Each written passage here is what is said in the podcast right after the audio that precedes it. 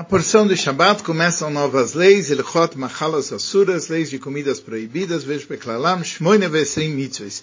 Aqui tem 28 mitzvot, Arba mitzvot ase, 4 mitzvot positivas, Arba Vesrim mitzvot lotase, e 24 negativas, Vezeu Pratam. Aleph, Livdok Besimanei Beimá, saber os sinais dos animais domésticos, Vechayai, de animais selvagens, Leavdir Bent Meia Leteoira, para saber a diferença entre o impuro e o puro. Beis, Livdok Besimanei Aof, saber os sinais das aves, Leavdir Ben Atamela Taor, saber entre que tá, qual é impuro, qual é puro.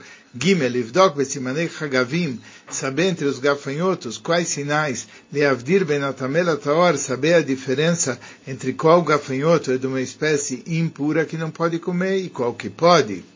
Dalet, Livdok, Besimanei Dagim, saber os sinais de peixes, Leavdir Ben Atamela Taor, saber a diferença entre impuro e puro.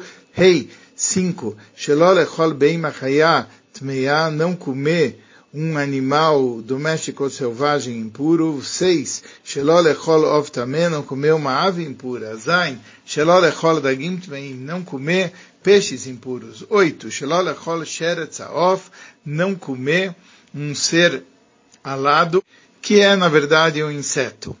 9. Shelol echol sheretz haaretz, não comer répteis da terra, etc. 10. Shelol echol remetz haaretz, não comer de um verme na terra. O 9 é o verme, e o 10, Shelol echol remetz haaretz, os seres rastejantes. 11. Shelol echol tolata peiros, que shetetze laaretz, não comer um verme das frutas quando sai para a terra. 12. Shelol echol sheretz amaim, não vermes das águas. 13. Shelol echol neveila, não comer um animal que não foi abatido ritualmente. 14. Shelol enot besora nishkal, não se aproveitar da carne de um touro que foi apedrejado. 15. Shelol echol treifa, não comer um animal que está taref com um problema interno que vai ser letal. 16. Shelol echol ever minachai, não comer órgão de um animal vivo. 17. Shelol echol dam, não comer sangue. 18. Shelol echol chalav chelev beimat teorá, não comer a gordura proibida de um animal puro. 19. Shelol echol gida nashe, não comer o nervo ciático. 20. Shelol echol basar bechalav, não comer carne com leite.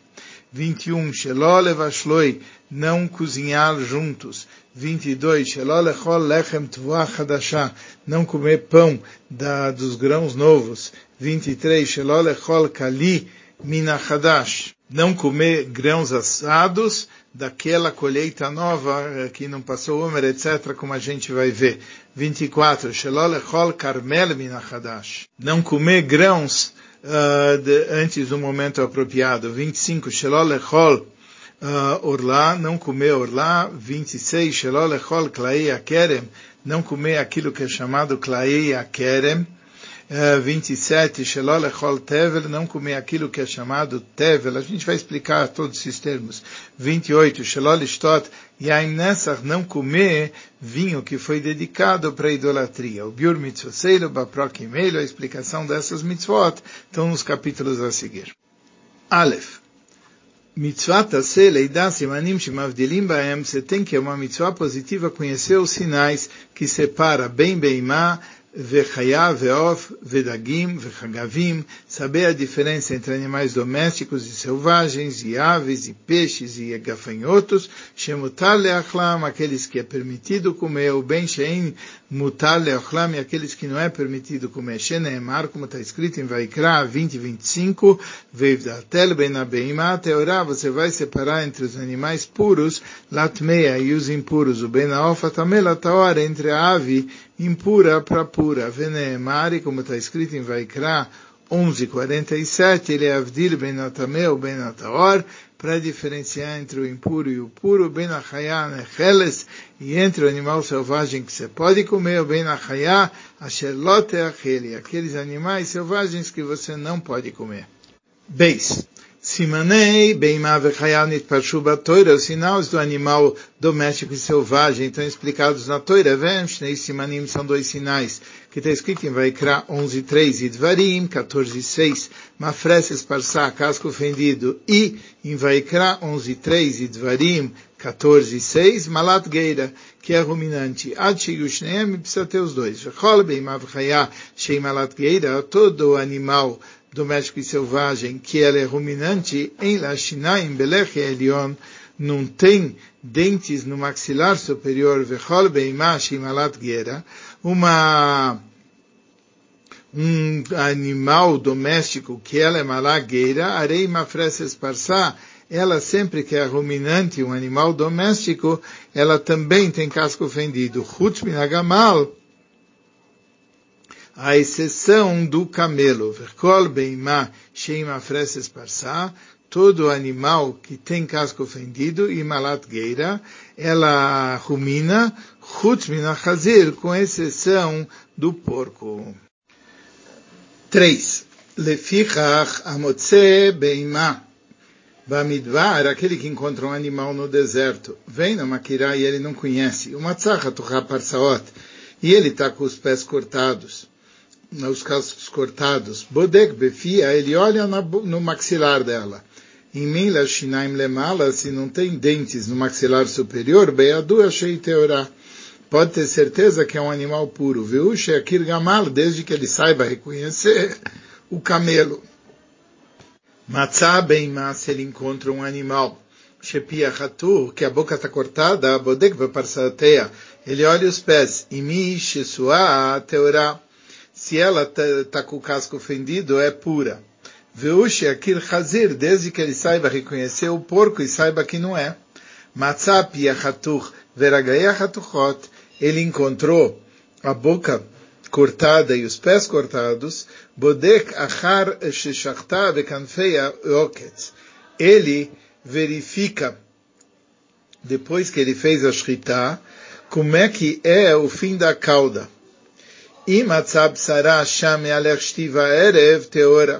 Se ele está vendo que as fibras da carne estão longitudinais e na largura, é o sinal de que é um animal kasher. Veusha Kiriarod, desde que ele reconheça o burro selvagem e tenha certeza que não é. Sheken obsaro shtiva aerev. Porque no burro selvagem, de fato, as fibras da carne dele se estendem tanto longitudinalmente como na largura. Aloche Dalet, Beima Teoira Shialda Kemin Beima Tmeia, um animal puro que teve como filho como se fosse um animal impuro, Afal Pishen numa fris parsável uma legueira, mesmo que ele não tenha o casco fendido e ele não rumina, ele que minsus o chamor, ele parece como um cavalo, como um burro, lechol davar em todas as coisas, areizemutar beachila, mesmo assim ele é permitido, porque filho de um animal puro, com certeza é puro. Bamed varimamur, enquanto se trata, besheyardalefanav, quando ele teve esse filho na nossa frente. Avale para meu beret bedroi, mas se ele deixou uma vaca grávida no, no gado lá, o Baal Matzakemin Chazir Karuch Hachareia, e depois ele viu um animal parece um porco indo atrás dele, Afal Pishu Yonek Bimeno, mesmo que ele está mamando desse, dessa vaca, Areizet Safek, é uma dúvida se ele realmente é o filho dela. Veasur beachila e não pode se comer. Shema minatumanolad venichrach achara teorá. Talvez ele nasceu de um animal impuro e aí ele foi tentar se juntar com um animal que está puro. 5. Beimat me'ashaldakimin beimat teorá, um animal impuro, que teve como filhote um animal que parece puro, afal pichu mefris parsal uma leigueira, mesmo que ele tem cascos fendidos, mesmo que ele rumina, ario que minchor, parece um tipo de, de touro, lechol davaro que minse, ou parece um tipo de carneiro, areize asur beachila, ele está proibido de comer. Shagadel minat meia tameu minat oira taor aquele que nasce de um animal impuro está considerado impuro, e o que nasce do puro é puro. asur. Por isso, um peixe impuro que se encontra ele no ventre de um peixe impuro está proibido. Vedag taor animtza bemei e um peixe puro que está no ventre de um animal impuro, mutar, é permitido, lefi sheng do lav, ela blaou, né, porque ele não nasceu, ele não cresceu dele, ele engoliu ele. Vav, seis. Bem, Mateoira é um animal puro, Shialdá, que teve um filhote, o Shinimtzabal, que se encontra nele, briar uma criatura, Sheshba Shtei Gabim, que tem duas costas, o Shtei Shidrot, duas colunas vertebrais, Asura Beachil, é proibido comer dele, Vezu e Shesua, Shenesra Batoira. Esse animal é chamado Shesua, que é proibido na Torah Shenemar, conforme está escrito em Dvarim 14.7, e Vetzelo Tochelo, esses vocês não vão comer, Memale Agerav Mafrisei Aparsa, a Shesua e daqueles que ruminam e têm cascos fendidos, e o primeiro que ele fala é Shesua. Isso é Shesua, que tem duas colunas, Klomar Briash Nolda, Shesua Lestei Beimot, um animal que nasceu e que parece que ele é a fusão que é divisível em dois animais, sete, Beimash Nimtzabad Musof, Afal Pisheu Taor, Areize Asur Bechile, também um animal que tem um feto semelhante a uma ave, mesmo que é uma ave pura, é proibido de comer. Lo tarmina nimtza bebeima elamashesh lo parsa. Só se permitiu que está dentro do ventre do animal um que tenha cascos. Oitavo, não tem nenhum animal dentre os domésticos e os selvagens no mundo que é permitido comer, a mínima mnuim toira, fora das dez espécies que são ditas na toira.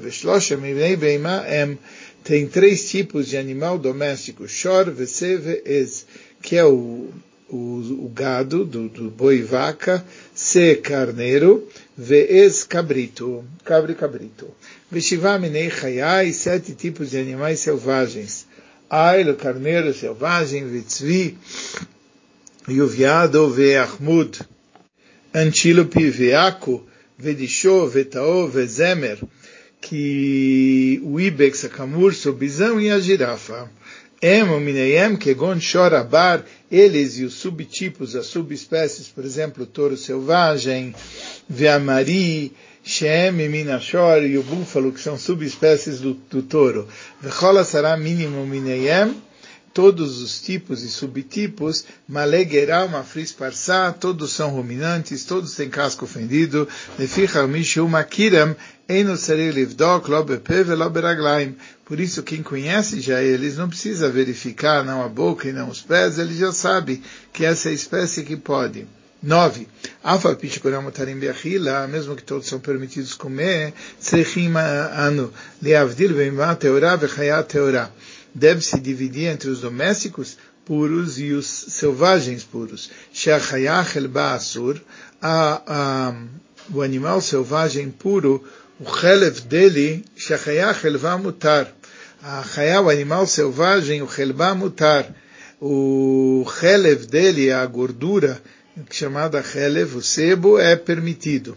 Vedamata un kisui, e o sangue, quando se faz o abate, precisa ser coberto, kisui adam.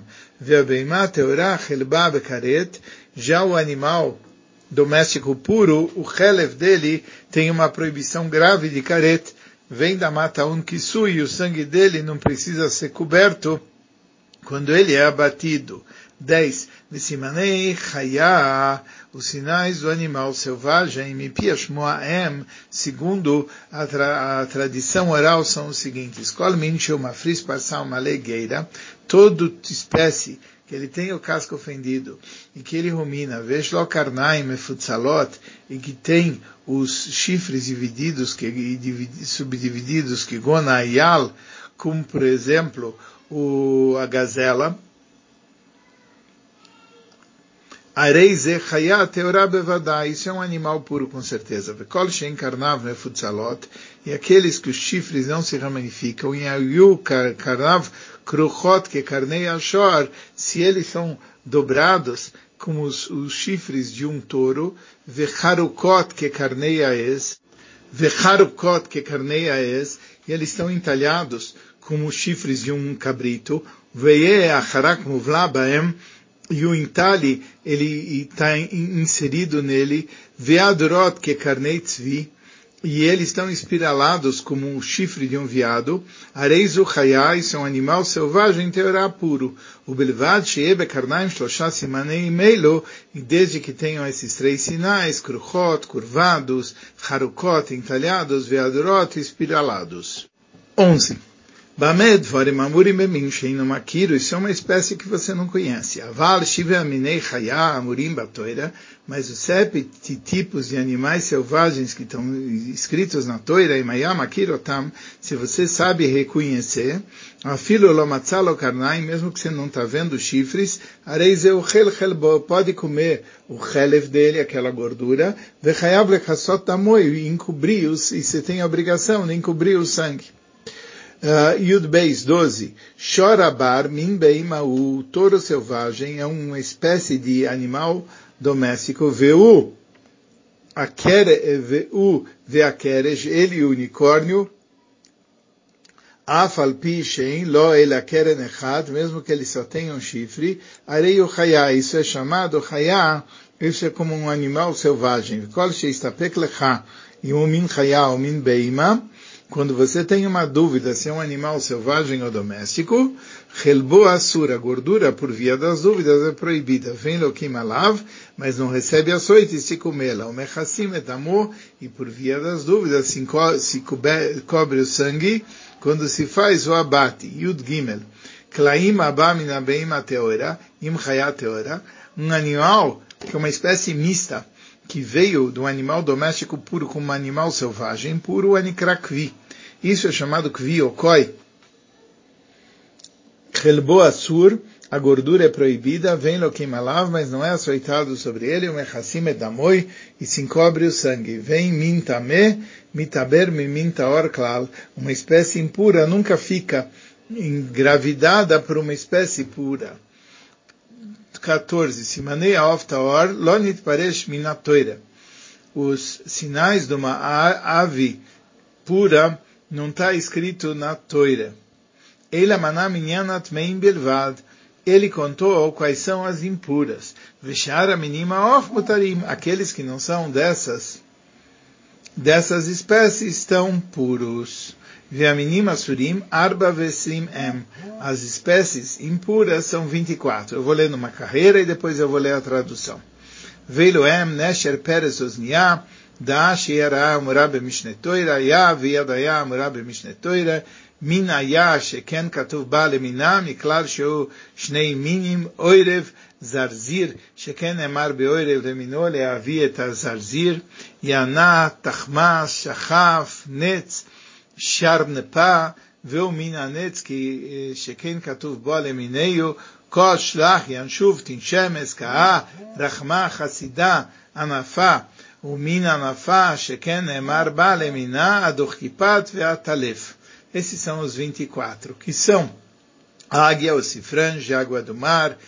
milhafre, que é que nem araiá, mencionada em Dvorim, o abutre, que é idêntico a dayá, mencionada em Dvorim, membros da família do abutre, pois a, a Torá afirma, de acordo com sua família, mostrando que tem dois itens que são proibidos, o corvo, o estorninho, e uma vez que a Torá fala de acordo com sua família, em relação ao corvo, o estorninho está incluído nisso. Avestruz, coruja, gaivota, gavião, corvo marinho que pertence à família do falcão, o versículo diz, de acordo com sua família.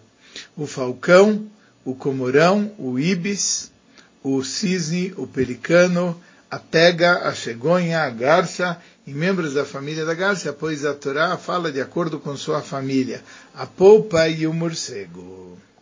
15. Kol quem conhece essas espécies e os nomes, ele pode comer uma ave que não é deles, vem no Serebrikai e não precisa fazer verificação a mais. Veofta Ornechal Bemasores, uma ave pura, ele é comido conforme a tradição, que as pessoas têm tradição que aquela ave é pura. Viu Davar Pashut Shebeotomakom. Isso é quando eles sabem naquele local que essa ave é uma ave pura. Venemana Tzayav Lomar, e você acredita no caçador quando ele diz, Ovzei Tir Dirabi Atzayad. ele fala, essa ave, o meu mestre, que era também caçador, ele permitiu, viu, isso é quando aquela pessoa que é o caçador, ele conhece essas espécies e os nomes direito. 16. Misheinu Makiram, quem não conhece essas espécies que são não kasher, vem Yodesh Motem, não sabe os nomes, Bodek Vesimanimelo Shenatnu Chochomim. Ele olha esses sinais que os sábios deram. Kolov Sheudores Veochel, todo a ave que pega com as garras dela e come Beadu Ashumyeiro Aminim Vetame se, se é sabido que pertence a essas 24 espécies impuras e está impuro. Vexendo dores mas se ele não pega com as garras para comer, e mesmo se ele tem um desses três sinais, é uma ave pura. Velo M, quais são? Etzbaieteira, um dedo a mais, Ozefes viia murá, ou ele tem aquela moela chamada de mural, Sheia, Kurkevoni Klav Beyad, ou o segundo estômago é descascado à mão. 17. Lefishem becholeilo aminim, porque não tem em todas essas espécies asurim proibidas, min shein odores, uma espécie que não pega com as garras, veshbo echad mishloshas manim eilo, e tem um desses três sinais. Chutz, com exceção do Pérez Veosnia, o Pérez Veosnia Einam Mitzuim Beshuv, com exceção da cifragem da ossada, e tanto a cifragem como ossada não são encontrados em áreas habitadas, ele Bemidbarot, somente no deserto, e Yam, em ilhas do mar, Arechokot, que ficam muito distantes, Admeot, Shem Sof Yeshuv, que é o final das áreas assentadas no mundo. 18. Eakur, Kevan Niklas Befsakim, Veno Niklav Bayad, se a moela for descascada, com uma faca, mas não com a mão. Vem Bossimanachere, não tem outro sinal, a falpiche inodores, mesmo que ele não pega com as garras, areis está feca, é uma dúvida. Ayachazak vedabe, que se ele estava forte e grudado, venicho, bechemes venitrapá, mas quando você deixa no sol, isso fica mais fácil de descascar, veniklav beyad, e é descascável com a mão, areis emutar, é porque é um sinal de que é uma espécie permitida. 19. Amru Geonim, falaram os Geonim, Shimasores e que eles têm uma tradição, Sheim Morim Leatir Of Abab Siman Echad, Ele Amayah Oto Siman Sheikaleva Kurkebon Bayad, que eles não permitem uma ave baseado só num sinal, a não ser quando aquele sinal é que a moela é descascável com a mão. Vale menos niklav bayad, mas se aquilo não é descascável com a mão, afas piche, eshlozefes, o esbayeterá, mesmo que ele tem uh, o papo, ou ele tem um dedo a mais, meu lam loitiru não permitiam. 20. Kol of shecholek toda ave que divide os seus pés, que shemotrim lo chut, quando se dá um fio, shtaim lekan ve shtaim lekan, dois para cá e dois para lá, o shekolet minavir veochel ba'avir, o que pega no ar e come, Arei Zedores Vetameh, é chamado uma árvore que usa as garras e está impuro. Verkola Shocheni Matmeim Venidme Laem Arei Zetameh, aquele que habita junto com aves impuras e parece com eles, Arei Zetameh, ele é impuro. 21. O mini Hagavim Sheitira Torah Shmone, tem oito tipos de gafanhotos que a Torá permitiu. Veiloem, e eles são os seguintes. Hagav, min Hagav, viu Arrazbanit, Hargol, o min Hargol, viu Artsubia, Arbe, o min Arbe, Vitzipor Sakramim, Salam, o min Salam, viu Yochna Yerushalmis é o gafanhoto branco, um membro da família do gafanhoto branco que é chamado rasbinis. O gafanhoto cinza manchado, um membro da família do gafanhoto cinza manchado que é chamado artubiá. O gafanhoto vermelho, um membro da família do gafanhoto vermelho que é o gafanhoto dos vinhedos. O gafanhoto amarelo, um membro da família do gafanhoto amarelo que é chamado Yohaná de Yerushalayim. 22. Mishubakibaem Bushmoteyem, quem conhece bem esses gafanhotos e os nomes, o Hel, ele pode comer. Veatzayad Neman Aleem Keof, e o, caçador experiente, você acredita nele como em relação às aves. O Mishen no Bakibaem Bodek Besimanim, quem não conhece eles tem que olhar os sinais. Vishloshash Nimanim Yeshbaem. Essas espécies têm três sinais. Kol Sheshlo Arbaragaim, qual que tem a quatro pés, ve'arba knafaim, quatro asas, shechofot rovorech gufo, que encobrem a maioria do corpo, verove kef gufo, e a maioria da volta do corpo, da largura do corpo, ve'yesh lo shnai kraim lenater baem, e ele tem duas pernas mais longas que ele usa para saltar, Eizemintaor é uma espécie pura. Viafal Aroch, mesmo que a cabeça é pontiaguda, Vesh Lozanav tem um rabo, Imayashmo Hagav Taor, se ele ainda é chamado de Hagav, ele é puro. 23. Mi shein lo achshav knafaim um gafanhoto que não tem asas ou pernas. O shein lo knafaim achofim etrubo, eu não tem asas que encobrem a maioria do corpo dele, tá, mas ele vai crescer elas. A Harzman, depois de um tempo, quando ele crescer, areizemutar, miatá, ele é permitido desde agora. Se vai crescer depois, ele é permitido desde agora. 24. Bedagim Shnei Simanim, nos peixes tem dois sinais. Snapir vekashkeshet, barbatanas e escamas. Snapir, o aporei abo. As barbatanas são usadas para, eh, que ele usa para nadar, e as escamas. As escamas estão grudadas em todo o corpo. Aquele que tem escamas tem barbatanas. Em agora ele não tem, mas eh, crescer, no crescimento dele, ele vai passar a ter o shesh lo kashkeshet kshu bayam, o kshialá yashir kashksotav, ele tem escamas quando ele está no mar, mas quando ele sai, ele perde as escamas, areis é mutar. Mesmo assim, ele é permitido. Meshein lokas keshim arrofim et mutar. Quem não tem escamas que encobrem ele inteirinho, mesmo assim ele é permitido. Afilo em bo elas na pira achat sachat. Mesmo que ele tenha uma barbatana e uma escama, areis é mutar. Ele é um peixe de uma espécie kasher.